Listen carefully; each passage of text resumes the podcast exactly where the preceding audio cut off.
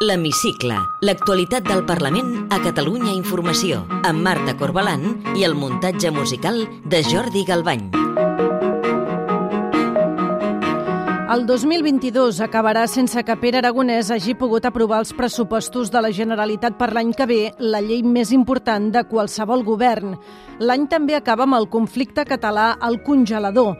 Després dels indults i de la reforma del Codi Penal, Pedro Sánchez vol situar Catalunya fora de l'agenda el 2023, almenys fins passades les eleccions municipals i autonòmiques del maig. Avui entrevistem el líder del PSC i cap de l'oposició, Salvador Illa. Benvinguts a l'Hemicicle.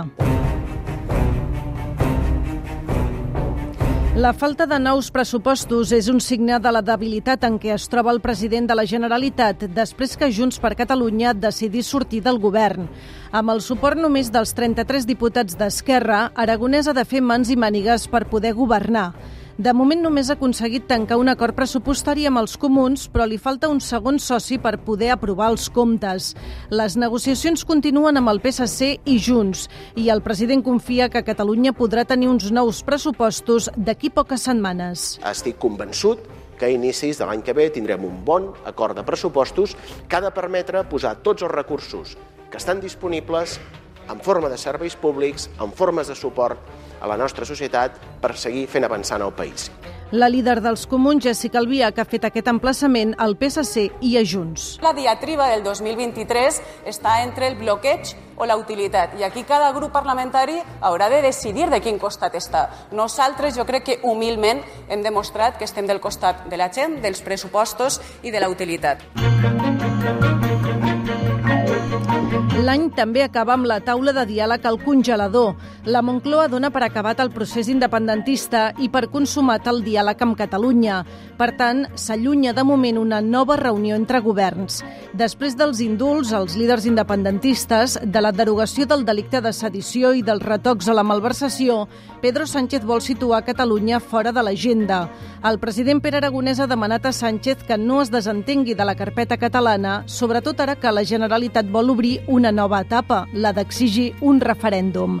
A canvi, Aragonès s'ha compromès a fer costat al govern espanyol per tirar endavant la reforma que ha de desbloquejar la renovació del poder judicial.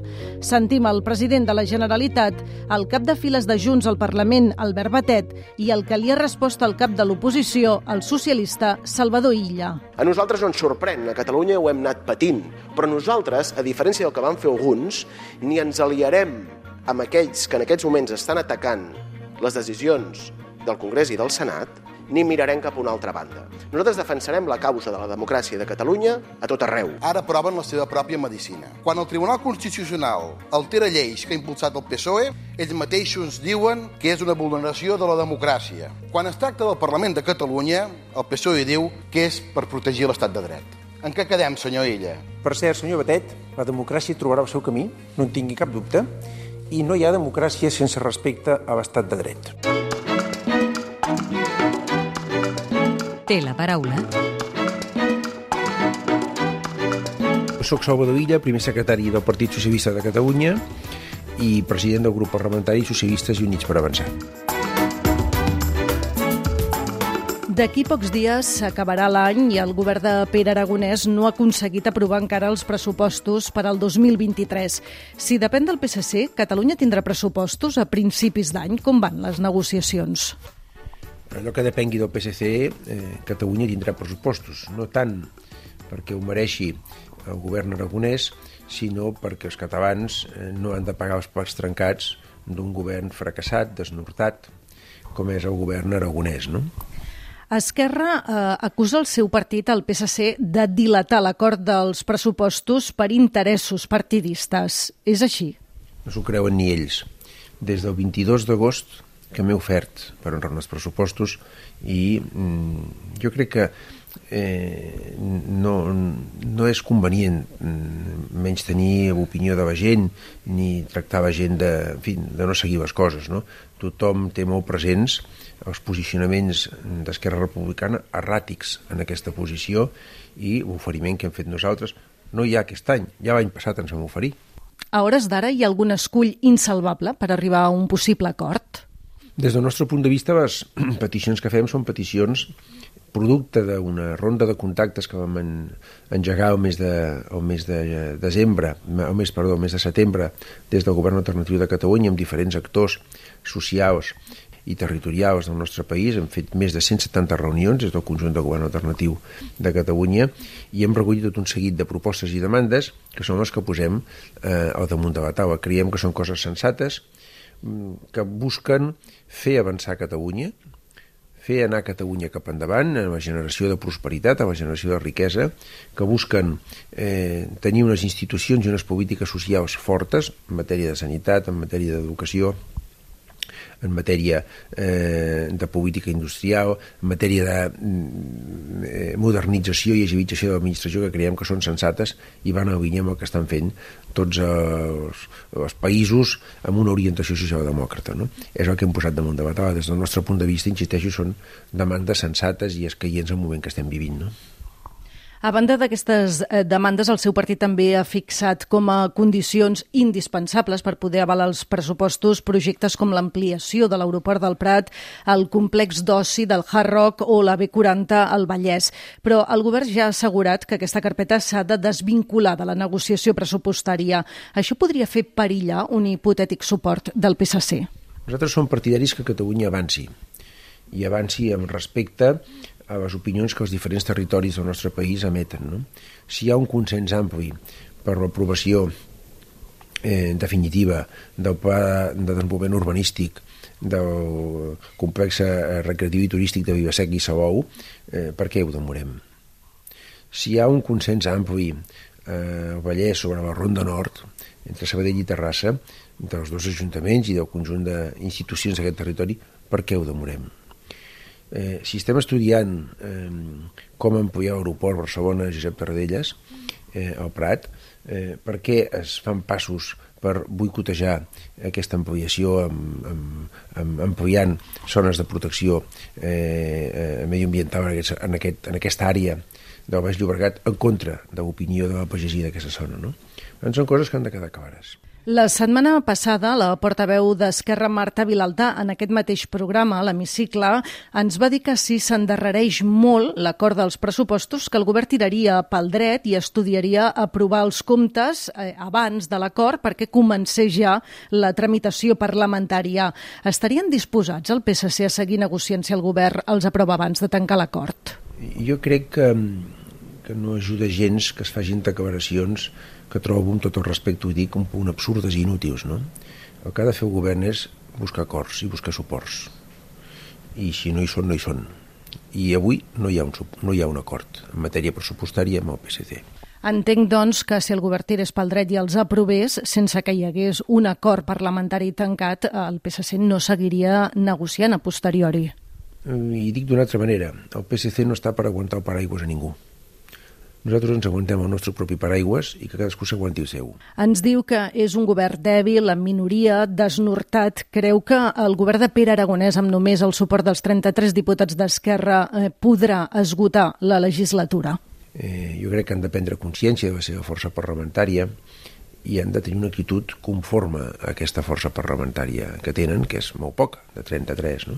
diputats, no? amb menys suport popular, per exemple, que el meu grup. No? Si no canvien les coses eh, i també tenint en compte un moment complex i difícil que estem vivint a nivell europeu i internacional, mm, se'n fa difícil pensar que aquest govern pugui pugui tenir un recorregut llarg, no? tot i la nostra eh, eh, voluntat, diguem-ne, d'estendre la mà en, algun, en, en algunes qüestions, no? per, insisteixo, per evitar que Catalunya eh, no quedi endarrerida. No? Anem a veure com van les coses, no? però efectivament no és una bona carta de presentació un govern que ha col·lapsat i que ha quedat reduït amb un molt de vivitat i amb un suport eh, molt escàs. No? Vostè personalment eh, què prefereix? Que eh, Catalunya tingui aquest govern en minoria amb totes les conseqüències que això comporta a l'hora de tirar endavant el país o, o bé preferiria un avançament electoral? Jo el que preferiria, és un govern que governés. Penso que quan els ciutadans es pronuncien en unes eleccions el que hem de fer els, repre eh, els representants polítics és compartir, transformar aquest resultat electoral en un govern operatiu. Això no han estat capaços de fer-ho. El senyor Aragonès no ha estat capaç de fer-ho i a partir d'aquí ell ha de prendre decisions i ha de fer front a les seves responsabilitats. És ell el que ha de prendre les decisions que cregui que corresponen i demano jo que ho faci pensant sempre més en el país que en els seus propis interessos de partit o personals. És el que jo faria en aquestes circumstàncies. No? Però, insisteixo, a ell li correspon fer-ho i jo vull ser molt respectuós en, aquesta, en aquest assumpte. No? Vostè eh, ens ha repetit que el govern de Pere Aragonès és un govern dèbil, sense un rumb concret que no governa. Eh, una opció seria que presentessin una moció de censura?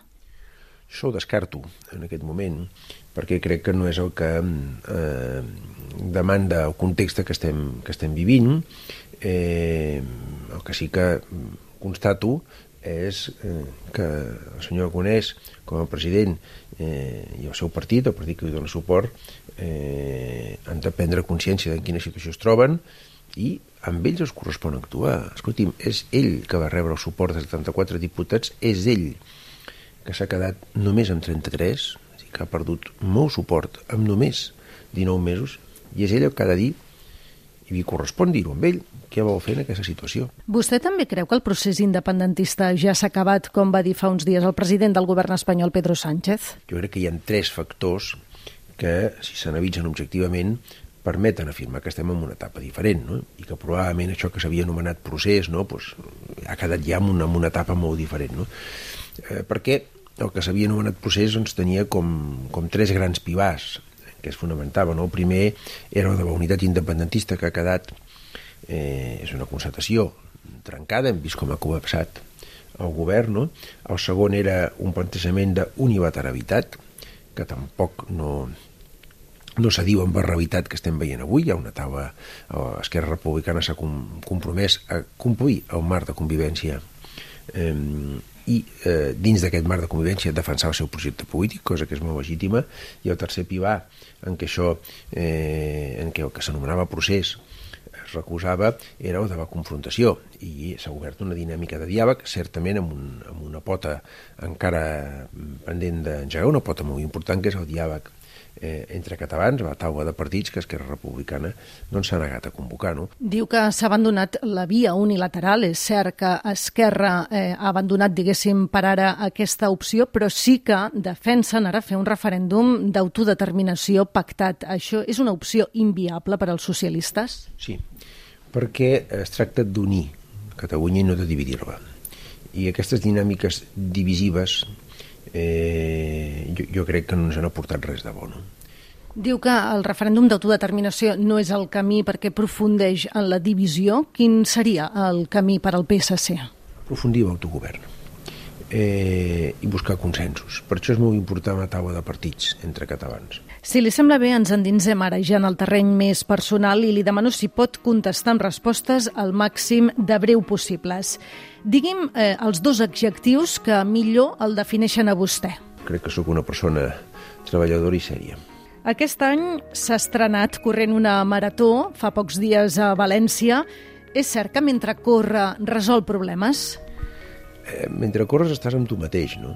I, i per tant pots pensar, pots eh, eh, en fi, eh, donar voltes a les coses i sí, a vegades resol problemes corrent. Amb quin diputat o diputada que no sigui del seu grup compartiria una sobretaula distesa? Amb Albert Batet. Si remenéssim per les butxaques de la seva americana, hi trobaríem algun clip metàl·lic? Molts, perquè és una mania que tinc. Em poso clips a les butxaques i, i a vegades, doncs, en fi, me'ls poso a les mans i em distrec amb això. És una manera de desestressar-se, també? possiblement és un, un acte inconscient, reflexa, ho vaig començar a fer quan vaig deixar de fumar ja fa alguns anys i, i, i tinc aquest hàbit. Eh? Té algun paisatge favorit? Eh, M'agrada molt els paisatges del meu poble, de la Roca del Vallès, no? Tota la serralada de Cèllex, eh, que veig des de, des de casa, doncs és un paisatge per mi entranyable. I ja per acabar, completi la frase següent. El que més m'agradaria del món és tornar a tenir un país, Catalunya, unit, eh, a l'entorn d'objectius de, de progrés i millora social. Salvador Illa, líder del PSC i cap de l'oposició al Parlament de Catalunya, gràcies per atendre'ns a l'hemicicle de Catalunya Informació i bones festes. Moltes gràcies i bon Nadal i bon any nou a tothom.